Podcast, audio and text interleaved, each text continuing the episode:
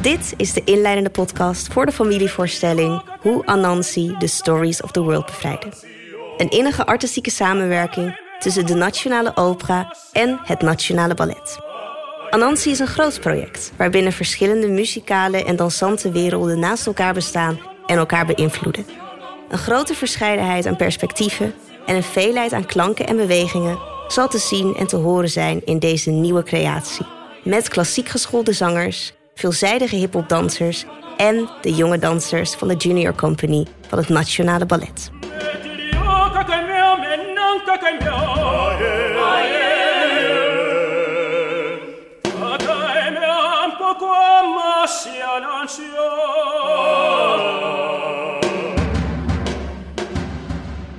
Mijn naam is Naomi Tekens, dramaturg bij de Nationale Opera. En samen met collega-dramaturg Wout van Tongeren ga ik in gesprek met het artistieke team van Hoe Anansi The Stories of the World bevrijden.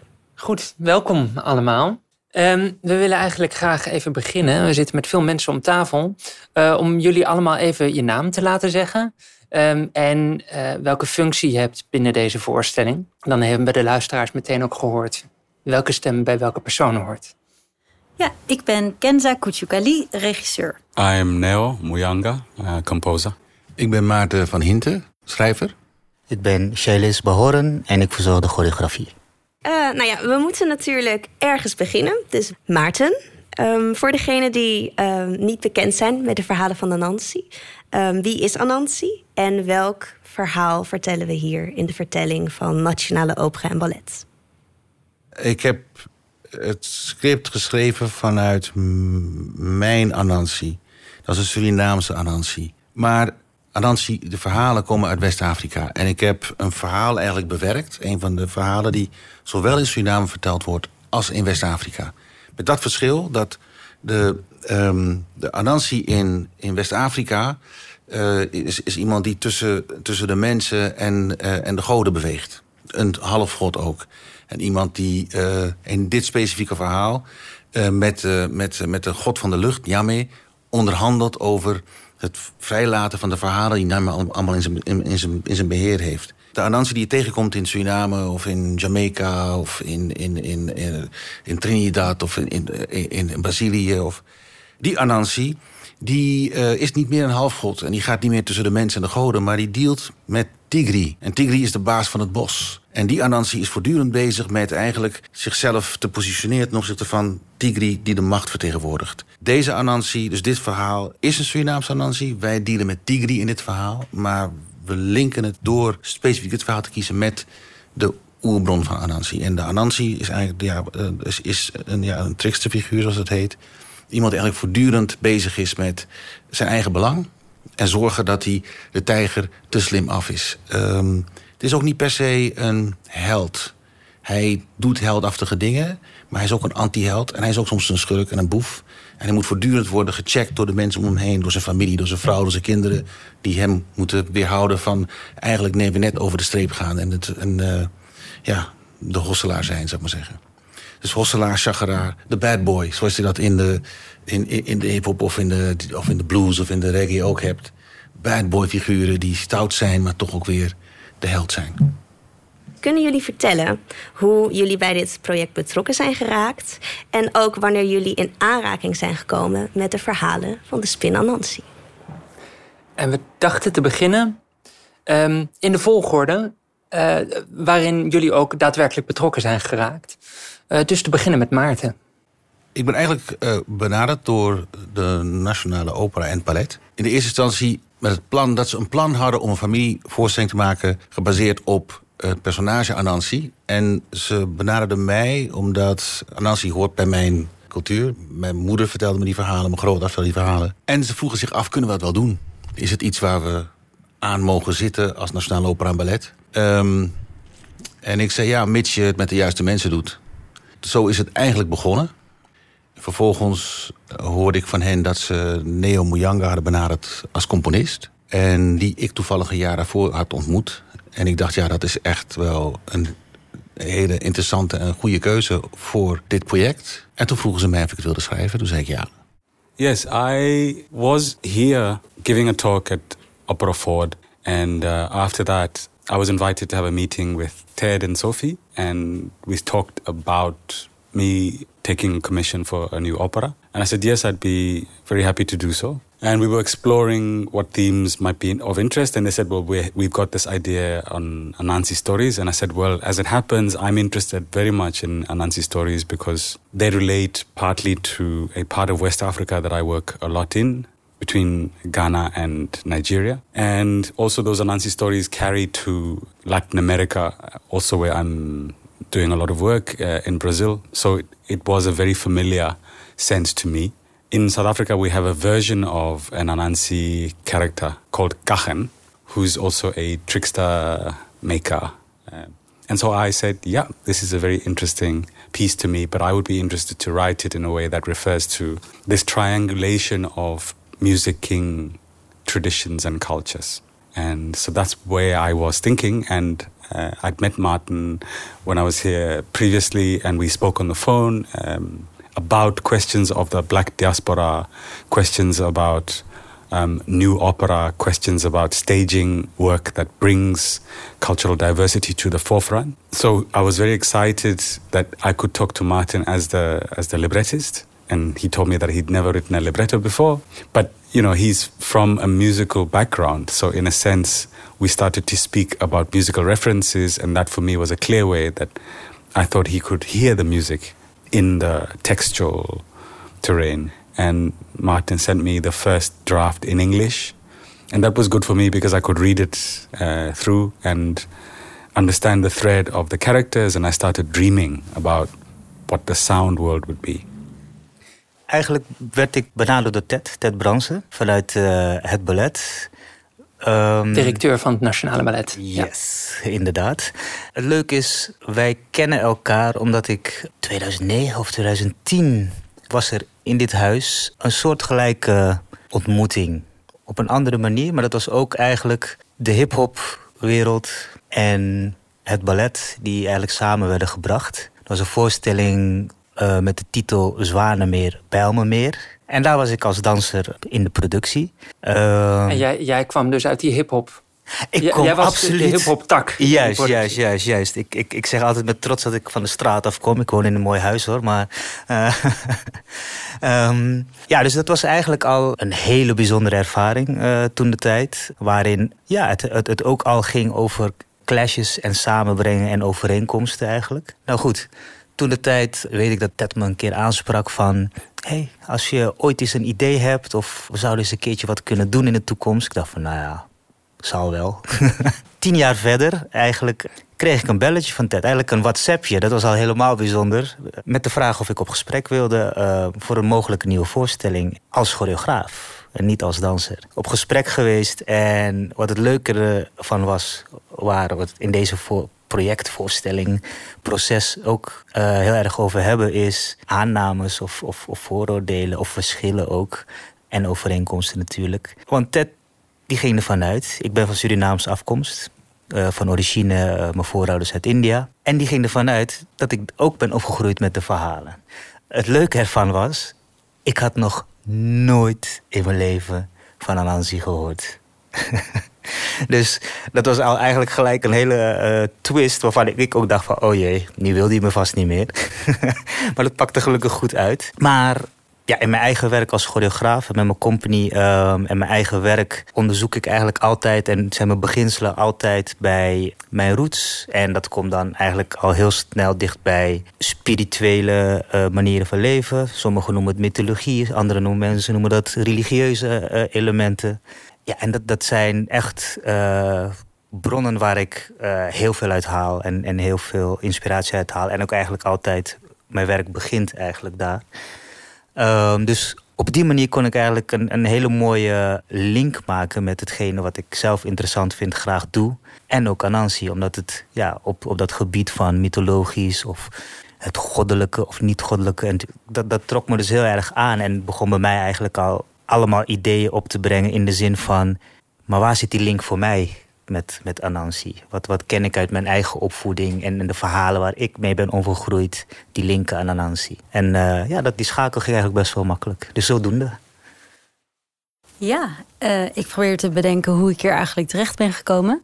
Ik deed een ander project, een veel kleiner project, onder andere met jou, Wout. En volgens mij was jij degene die tegen mij zei: hey, het zou interessant zijn als jij misschien wel dit project zou willen doen. Er zijn andere kandidaten, dus we gaan gewoon een soort uh, auditie- of sollicitatiegesprek doen, zou je het kunnen noemen. Achteraf was het uh, vooral een heel leuk gesprek, vond ik niet zozeer sollicitatie. Ik was wel heel zenuwachtig.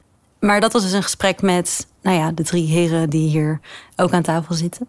Waarin we het hebben gehad over ja, eigenlijk waar, waar ik vandaan kwam. Zowel nou, vanuit de kunstdiscipline als waar ik naartoe wil, wat ik graag maak. En toen ik hoorde dat het over Anansi ging, toen dacht ik: oh ja, natuurlijk, Anansi, de halfgod. Dat was mijn eerste associatie. Dus ik kende het verhaal, of ik dacht dat ik het verhaal van uh, de Anansi-cultuur wel kende. Maar die bleek natuurlijk veel uh, groter, veel uitgebreider dan ik in eerste instantie dacht. Uh, maar wat ik wel had gezien, dat was de serie American Gods, waar ook een Anansi in zit. Dus ik was bekend met Anansi als gegeven. Het was niet volledig onbekend, maar de hele cultuur, die kende ik nog zeker niet. En nou, ik denk dat ik na een week een belletje kreeg, wederom van jou, Wout. Met gebrek aan bereik. Dus jij had me twee keer gebeld en ik kreeg maar geen gehoor. Maar uiteindelijk was ik het dus geworden. Dus uh, daarom zit ik hier ook aan tafel. Goed, en uh, nou ja, de vijfde van het artistieke kernteam kon hier vandaag niet aanwezig zijn. Dat is de vormgever, Dieweke van Rij. Uh, maar we hebben een voorgesprek met haar gehad en we hebben haar dus dezelfde vraag gesteld. Daar gaan we heel eventjes naar luisteren. Ik was een van de laatste die erbij kwam. Maar ik denk nu maand of acht geleden of zo. En uh, de rest van het team was er al.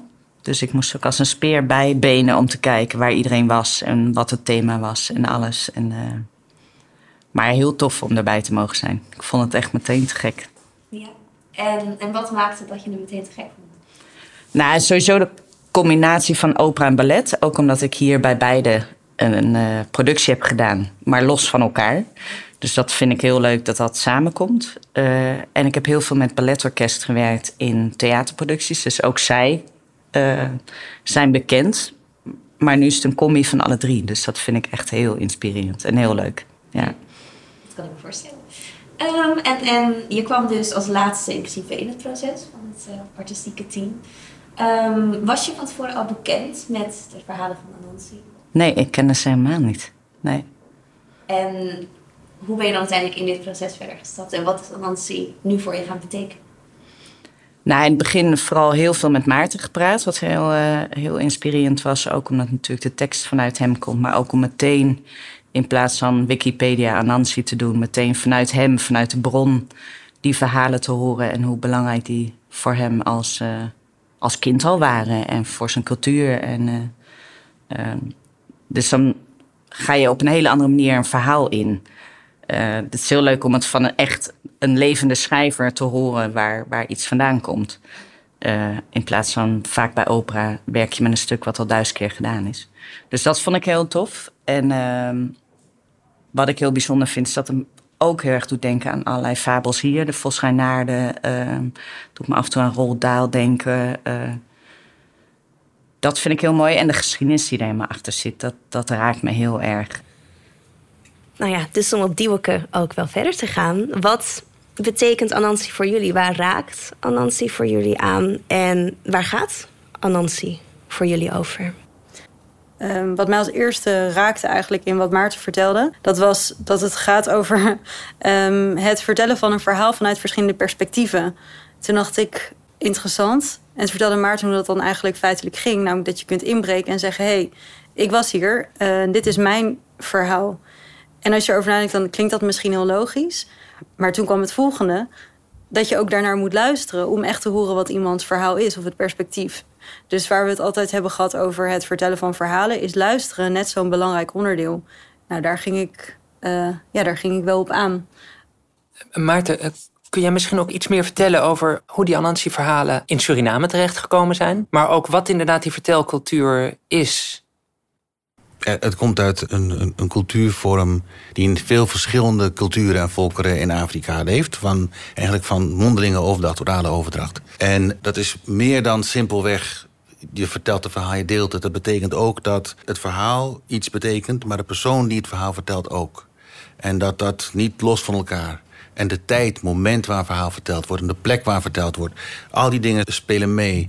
En waarmee het vertellen van een verhaal niet meer een eenrichtings iets is, wat je bij een literaire traditie wel hebt. Hè. Je, je schrijft een boek, dat druk je en dat vervolgens wordt dat identieke product verdeeld over. En dit is echt een. een het, is, het vertellen is eigenlijk een tweerichtingsverkeer. Waarin je eigenlijk uitwisselt. En het is een wezenlijk onderdeel van die culturele traditie. En het is ook een essentieel onderdeel geweest van het overlevingsmechanisme eigenlijk van de tot slaafgemaakte die in een wereld werden gebracht waar ze geen enkele macht hadden, waar ze al hun eigen cultuur moesten vergeten, vernietigen, achterlaten, kapot maken. En die orale traditie is, en, en de manier waarop die overgedragen werd, dat is eigenlijk ja, hun, hun weerstand geweest. En eigenlijk de vormen daarvan zie je terug in eigenlijk, uh, want het is oraal, maar eigenlijk is het meteen ook muzikaal.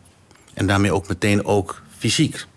In die traditie uh, is, is, is verhalen vertellen, muziek maken, dansen... zijn eigenlijk allemaal, allemaal één ding. Dus dat zie je uh, en dat hoor je terug in alle muziek in de Afro-Caribische... Of het, nou, of nou in de blues of de calypso of de hip-hop of de reggae... Of, in al die vormen in de jazz komt, komt eigenlijk dit principe terug.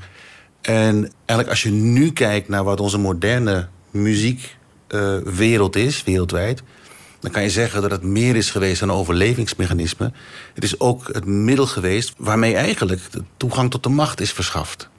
Je kan eigenlijk stellen dat die muzikaaltradities wel nu wereldwijd de belangrijkste muzikaaltradities zijn. In de zin van hoeveel mensen het bereikt, wat het met mensen doet. En ik heb een Surinaamse achtergrond, maar ik kom net als Charles ook uit de hip-hop. En um, voor mij vielen dingen heel erg op hun plek toen ik dat wat ik van mijn, van mijn, van mijn roots kende en kreeg toen, toen ik heel duidelijk eigenlijk die connectie zag met datgene wat ik, wat, waar ik me thuis voelde, hier in de stad. En uh, zoals Harry zegt, op straat. En die verbinding en wat dat zegt, en eigenlijk wat dat, de mogelijkheden de, en, en de, de vrijheid die dat geeft, dat je dat, je dat ziet, dat, dat is, dat is uh, voor mij de essentie eigenlijk van waar Anansi de, de hosselaarspin die je niet kan vertrouwen, weet ik veel. Maar daar staat die traditie eigenlijk voor. Niet alleen door het figuur Nancy, maar hoe het wordt overgedragen. En ja, ik denk dat dat ook... Voor mij is het de meest effectieve manier ook om dingen naar de toekomst toe te veranderen door het verleden. Maar het gaat voor mij eigenlijk met dit stuk over de toekomst. Over hoe maken we een toekomst waarin we dingen kunnen erkennen, herkennen, delen en bouwen. En voor mij is dat eigenlijk allemaal, dat zit in Anansi, dat zit voor mij in de hip-hop. Dat is, dat is wat het voor mij is.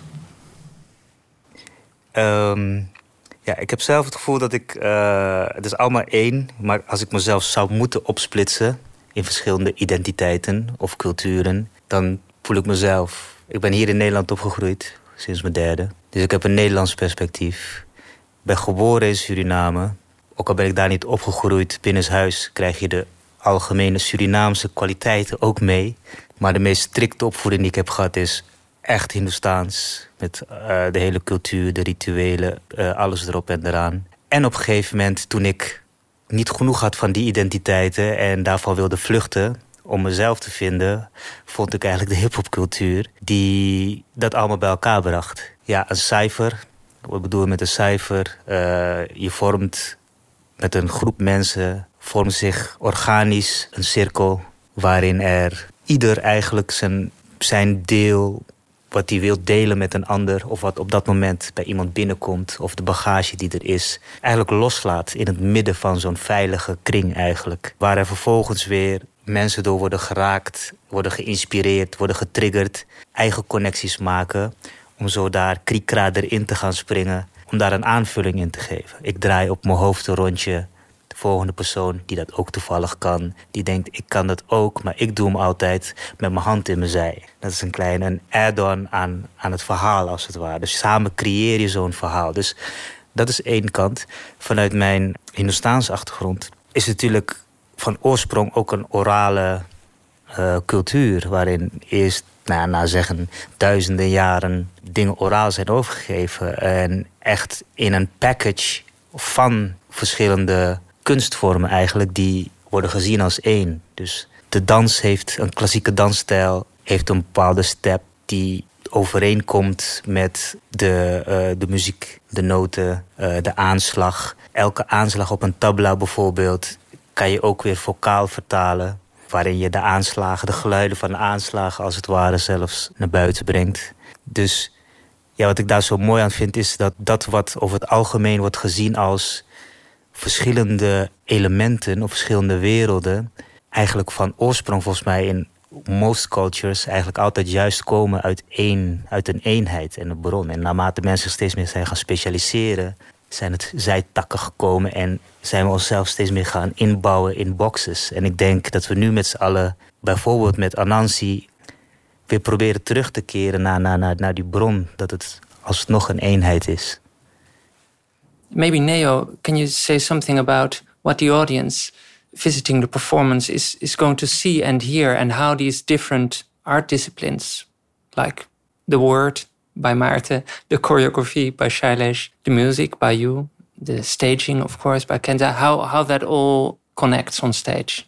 I think because, um, as we've all been saying somewhat, the stories we're telling are many, and we are very keen on them being many. The idea of Anansi the analog issue is at the crossroads, and and to me that is uh, the place of the meeting of all things, all possibilities and all non-possibilities. And I think what people will hear and perceive, first and foremost, will depend on where they come from. The hope is that they will firstly hear themselves, uh, whether they come from a hip hop street family, whether they come from a classical home background, whether they come from ballet, whether they come from funk or rap.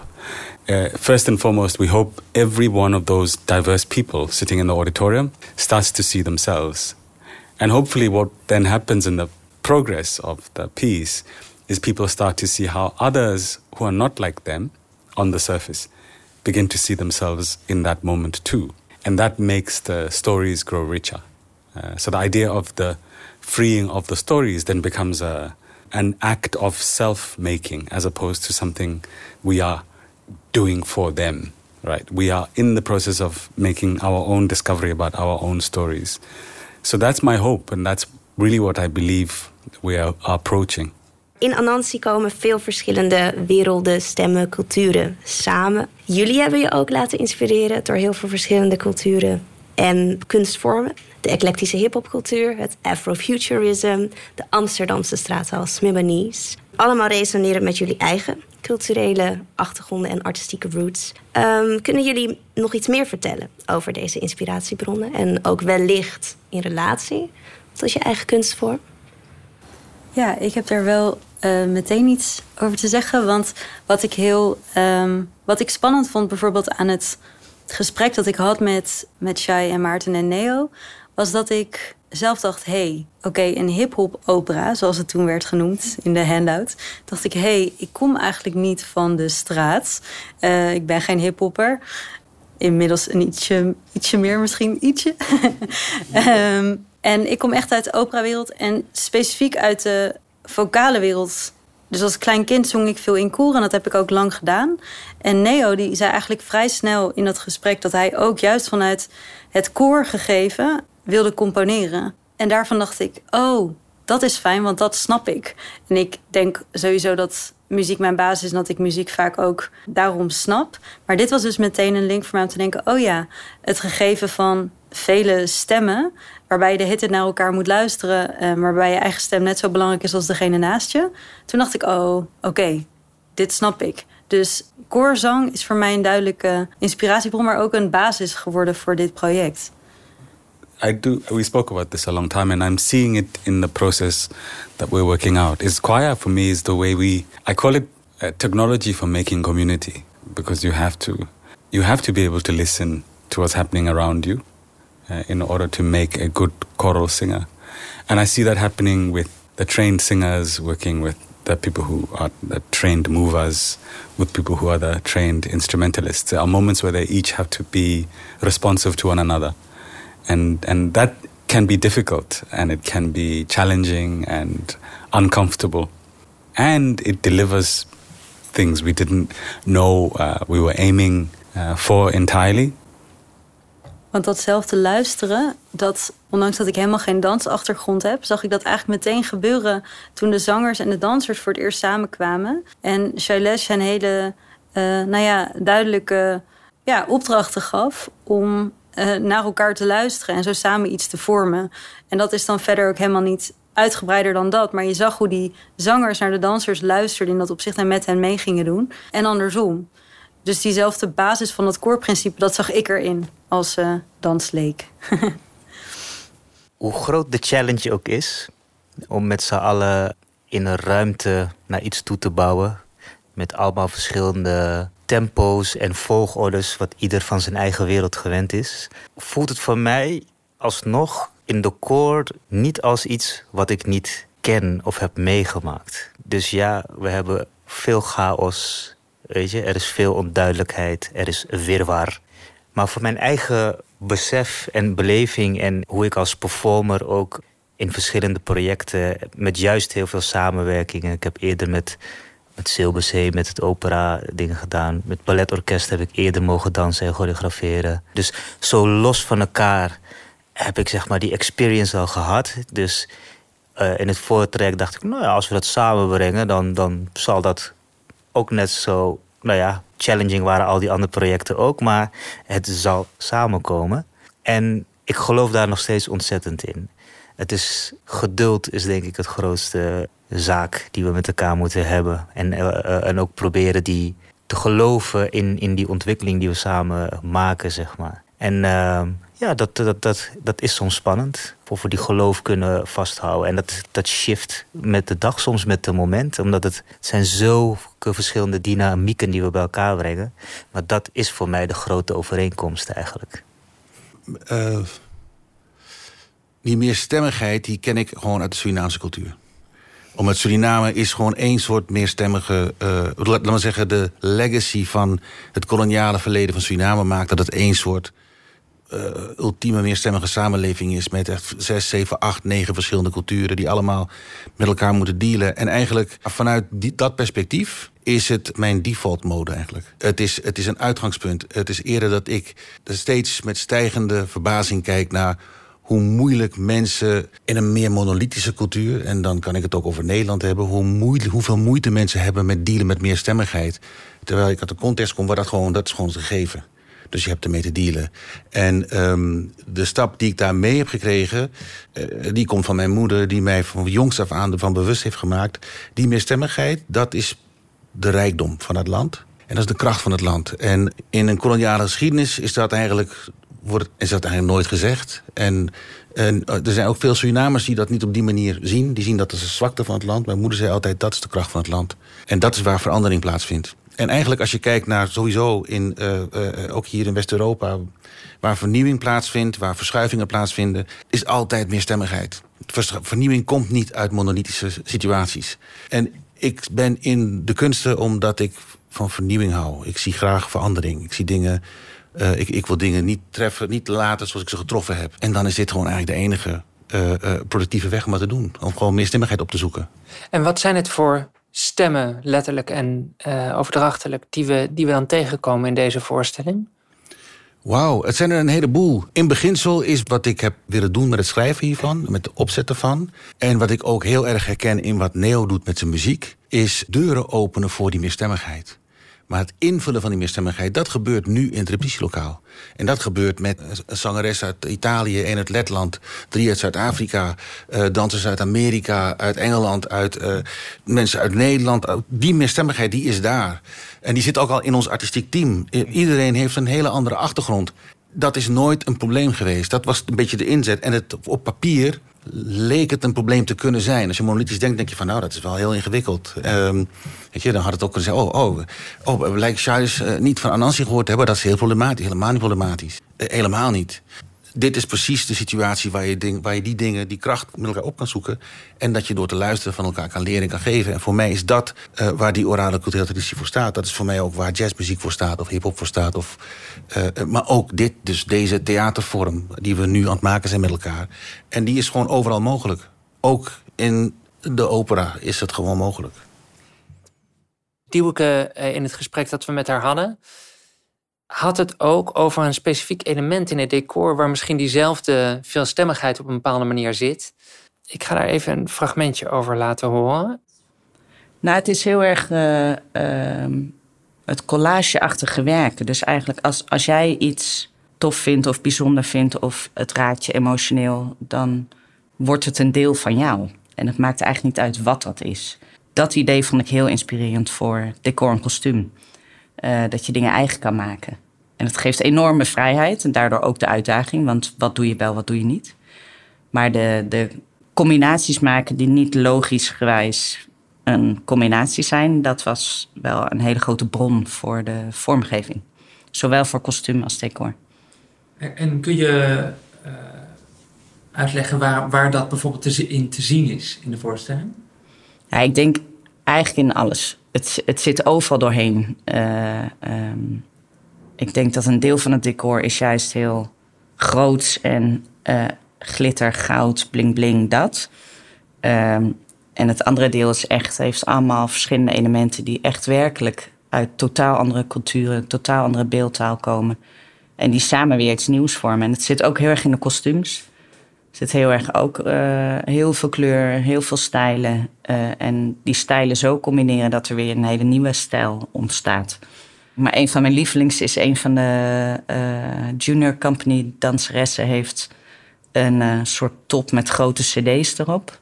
Maar daaronder een, een tutu met de bovenkant van een trainingsbroek die we eraan hebben gemaakt. Dus zij is, ik vind haar een hele leuke mix van toch nog een soort knipoog naar ballet ballet. Um, maar ze ziet er super funky en stoer uit daarin. Dus dat vind ik heel leuk om dat soort dingen te combineren. Misschien tot hier dus dan even niet over de totstandkoming van die jungle-elementen. Misschien kunnen we afsluitend ook het dan hebben over de manier waarop jullie hebben samengewerkt. Nu in het proces, of eigenlijk nog aan het samenwerken zijn. Want we hebben nog uh, anderhalve week tot de première. Stoppen nu met samenwerken. um, misschien kunnen we dat beginnen ook nog met een, met een laatste quote van Diewerke. Nou, ik vind, ik, ik vind het ontzettend bijzonder hoe ontzettend veel tijd we hebben besteed aan elkaar leren kennen. En elkaars verhalen leren kennen. Dus ze zijn heel grondig in, in alle geschiedenis, alle verhalen, of het nou persoonlijk is of over letterlijk welk land, waar, hoe. Maar ook waar kom je vandaan? Waar ben je begonnen? Waar loop je nu tegenaan? Dus los van het hele proces van de voorstelling, van het libretto lezen, uh, over de dans nadenken, zit er zoveel achtergrondinformatie die we allemaal met elkaar gedeeld hebben, waardoor het voelt alsof we echt één taal spreken met z'n allen. En ik denk dat dat dat vind ik heel bijzonder en dat voelt heel sterk.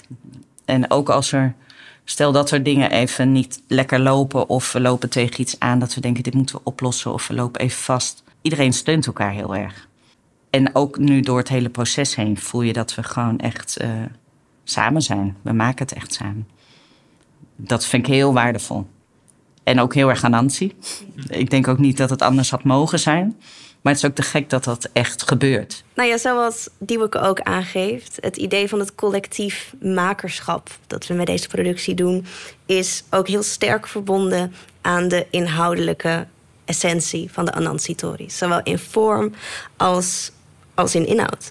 Dus vooral, hoe is die samenwerking voor jullie achter de artistieke tafel geweest en hoe resoneert dat ook voor jullie op het toneel? Wat bij mij vanzelf gebeurt, het eigenlijk daar denk ik helemaal niet over na. Maar de kern van, van, van, een, van een verhaal of een voorstelling zorgt ervoor in wat voor manier ik me in een proces zeg maar, ontwikkel en mezelf neerzet. Dus ik heb ook voor mijn gevoel in elke voorstelling wat ik maak, dat ik daar nooit mijn ABC'tje heb. En ik weiger ook een ABC'tje te hebben. Dat is sowieso mijn manier. En, en dat kan zijn in de vorm van communiceren. Wat welke stukken informatie plak ik er wel bovenop? Wat zeg ik wel, wat zeg ik niet? Hoe luister ik? Hoe reageer ik? Welke toon heb ik? En dan specifiek over Anansi, zoals je vaak hebt gehoord. Het gaat voor mij echt ook dus luisteren, echt luisteren, het verwerken en daar dan ook echt daadwerkelijk iets mee willen doen en proberen te kunnen doen. Dus zoals ik zelf ervaar, in dit proces dat we volgens mij met het moment onze manieren zo proberen te molden. Ik voel dat we gezamenlijk een soort van bonk klei zijn. Die, die naar elkaar probeert te luisteren. En zo weer dus elke keer weer zichzelf probeert te remolden. Om zeg maar in die vorm te passen met elkaar.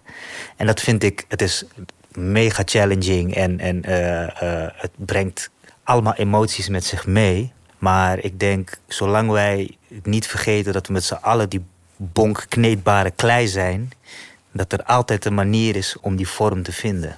Zo, zo sta ik er eigenlijk zelf in. En ik heb het gevoel dat we dat tot aan de première zullen blijven doen. Dus het, het makerschap is iets wat eigenlijk ook elke keer wat geen vaststaand gegeven is, maar wat, wat zich voegt naar wat het proces op een bepaald moment nodig heeft. Ja, voor mij wel. Je kunt tot op een zekere hoogte dingen voorbereiden. Maar als je, zoals ik mezelf, de mensen waarmee ik werk, die bepalen waar we heen gaan.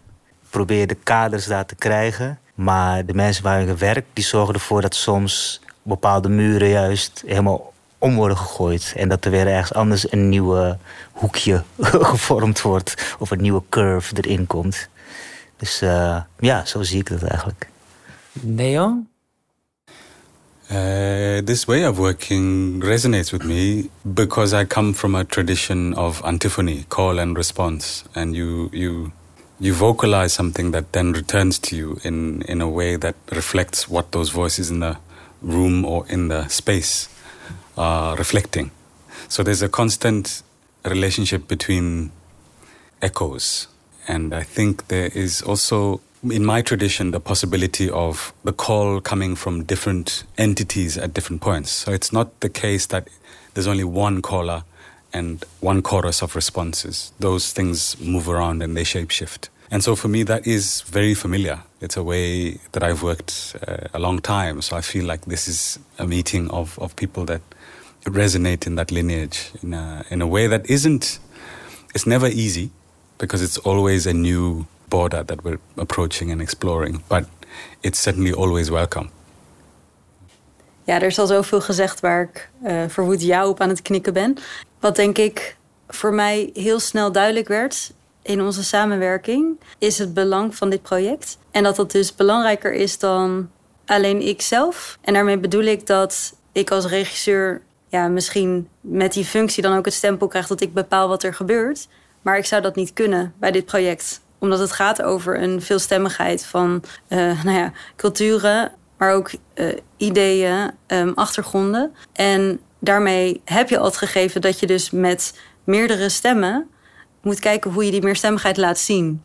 En daarom is het denk ik heel belangrijk geweest dat we veel met elkaar hebben gepraat, zodat we weten uh, waar we vandaan komen, maar ook wat we aan elkaar hebben. En op dit punt is dat, dat was al vanaf het begin zo. Maar op het moment dat je in een laatste repetitieweek zit en je voelt de tijd en alle randvoorwaarden die je altijd hebt in het maken van een productie, is het natuurlijk makkelijk om te denken: oké, prima dat we hebben samengewerkt, maar nu gaan we het doen zoals ik voor ogen heb, want we hebben nog drie repetities of zo. Maar dat kan niet bij dit project, puur omdat het al, omdat ik het niet zou kunnen en, en omdat het helemaal niet is hoe het project is ontstaan. Dus die samenwerking, de ruimte voor het gesprek de ontwikkeling, weten waar je naartoe wil, maar dat toch echt samen willen doen. Ja, dat maakt dat we op die manier ook werken. We kunnen niet anders. En dat voelt voor mij als regisseur heel fijn. Dat is heel uh, veilig in dat opzicht. In een project dat al niet onveilig is, maar wel uit een comfort, uit een comfortzone. Uh, ik, ik herken me in wat Shai zei, zeker ook in wat, in, wat uh, Neo zei. In zal zeggen, mijn theaterpraktijk bij Right About Now is dat hoe, hoe we werken. Maar de vraag die Ted mij stelde, kunnen we dit wel maken? Weet je, kunnen we, kan het Nationaal Ballet en Opera, kunnen die Anansi, hebben die recht op? Weet je, het spook van de cultural appropriation is daar en kan dat? Dat was een terechte vraag en een goede vraag. En bij het schrijven van dit libretto heb ik die vraag eer willen aandoen. En in die zin dat niet dat Anansi op een bepaalde manier verteld moet worden, maar als het proces niet die meerstemmigheid vertegenwoordigt, dan is het cultural appropriation. Dan kaap je het verhaal om iets leuks te doen met een kleurtje. En dus dat we dit aan zijn gegaan met elkaar, was eigenlijk de sine qua non, de voorwaarde om dit oprecht te kunnen doen. En dat was voor mij, ik denk voor ons allemaal hier aan tafel, was dat een gok. Een afweging die ik ook echt gemaakt heb. Van denk ik dat het dat dat kan. Ook binnen de context van, van de Nationale Opera en Ballet. En met deze mensen kan dat. Eh, met Neo kan dat. Eh, met Shai kan dat, met Kenza kan dat. Omdat we allemaal kennis hebben van allemaal verschillende praktijken. En dat kan. En daarmee doen we het verhaal, wat mij betreft, de Anansi traditie, van waar ik spreek. En we, hebben Carlo Hoop in, in, de cast, die echt die traditie ook vertegenwoordigt in deze, in, in deze productie. Percussionist, ja, ja, ja meesterdrummer die zowel uh, Maron-technieken, Surinaamse technieken, als die hele West-Afrikaanse uh, wereld aan, aan, aan, aan drumtalen kent. Maar we doen het pas recht aan als het niet gaat over vroeger, maar over straks, over de toekomst. Als we het echt gebruiken om een verhaal te vertellen die een impact heeft. Dat is wanneer je recht doet aan, die, aan wat in de, cultuur en waar Anansi voor staat. En dat is wat we met z'n allen eigenlijk aan zijn gegaan. En wat we echt letterlijk elke dag op de repetitievloer met elkaar eigenlijk, eh, ja, ik wil niet zeggen we vechten, want we zijn samen eigenlijk dat aangaan en waar we elke dag aan bouwen op de repetitievloer. En um, ik ben eigenlijk ongelooflijk trots dat ik met deze mensen... en dan heb ik het over deze mensen, maar ook eigenlijk het hele team eromheen... zit op deze manier in die repetitieruimte. En dat is echt meer dan 40 mensen zitten op deze manier met elkaar te werken. Uh, ik vind dat uh, een overwinning eigenlijk. Nu al, nog even los van of de, of de productie wel of niet... hoe die ontvangen wordt, ik vind dat al een overwinning. Nou, er is wel één leuke anekdote van vandaag, denk ik, van de repetitie van vandaag. Is dat we om een goed voorbeeld te geven van die meerstemmigheid, dat we het hadden over een uh, specifiek moment in de, in de zang. Namelijk de tekst bevrijdt de verhalen of bevrijde verhalen. Iets waar we al, nou, waar we al een paar keer uh, aan toe zijn gekomen als team. Vandaag hebben we dat behandeld met de zangers. En diezelfde zangers waren dit vandaag uit zichzelf aan het uitleggen aan de dansers. Uh, onze urban dansers en onze junior company gewoon, wij stonden er allemaal bij, maar zij dachten, nou, wij gaan dit nu even uitleggen hoe dat moet en waarom het zo is. Ja, ik vond dat moment goud waard.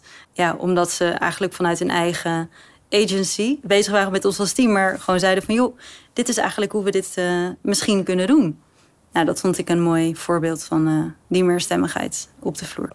Uh, sluit een beetje aan, denk ik, wat Kenza zegt. Voor mij, ik, ik, ik hou van die micromomentjes wanneer er wordt geroepen dat er pauze is en dat bijvoorbeeld uh, een Makudu, een van de Hornets, een van de zangers, die dan naar Machano gaat, een van de hip-hop dansers, als een spullen uit zijn zak gehaald en zegt van yo, teach me that handstand, you know, uh, toch? en die dan, die dan vervolgens op de kop gaat staan en dan bam, bam, bam, weet je, ook uh, net zoveel geluid maakt als de hip-hop dansers normaal gesproken doen. Weet je, ja, dat, dat, dat soort momenten zijn voor mij, ja, weet je, dan of course, we gaan werken naar een fantastische voorstelling met elkaar, weet je wel. Maar dan kom je toch bij het cliché op uit van... It's about the process. Weet je, en, en, ik denk dat deze voorstelling... Als het niet om het proces gaat, dan halen we volgens mij nooit het idee... wat we wilden bereiken voor deze voorstelling als eindresultaat. Dus uh, ja. Dat idee gaat, neem ik aan, heel erg om dat eigenlijk precies het spelen van de voorstelling ook het proces is. Dus soms je zegt, kunt zeggen, het proces is belangrijker dan de voorstelling, maar vaak wordt dat gezegd in een context waar, waar er wel een proces is en dat is afgerond en dan is er de voorstelling. Maar op welke manier is proces hier dan zichtbaar ook op het toneel? Uh, ja, alleen maar. Ja, op, alleen maar. het, het, het, dit proces is pas af wanneer er ook een publiek zit die die cijfer afmaakt. We zijn nu nog een halve, halve cirkel. Straks zijn we in een hele cirkel en dan gaan we pas echt begrijpen wat we aan het doen zijn en wat we gemaakt hebben. Dat weten we nu ook de hele tijd. Dat zeggen we ook in de repetitie. Van ja, dit is zo, het moet zo en zo. Maar eigenlijk weten we, we gaan pas weten wat het is en, en, en, en, en hoe het tot zijn weet je, tot, tot, tot wasdom komt wanneer het publiek die cirkel afmaakt en we dat kunnen delen. En wat als het publiek mee gaat doen? Ze doen mee. Wat als het publiek niet meedoet, dat is misschien een als, maar die vraag gaat niet gebeuren. Ze gaan gewoon meedoen.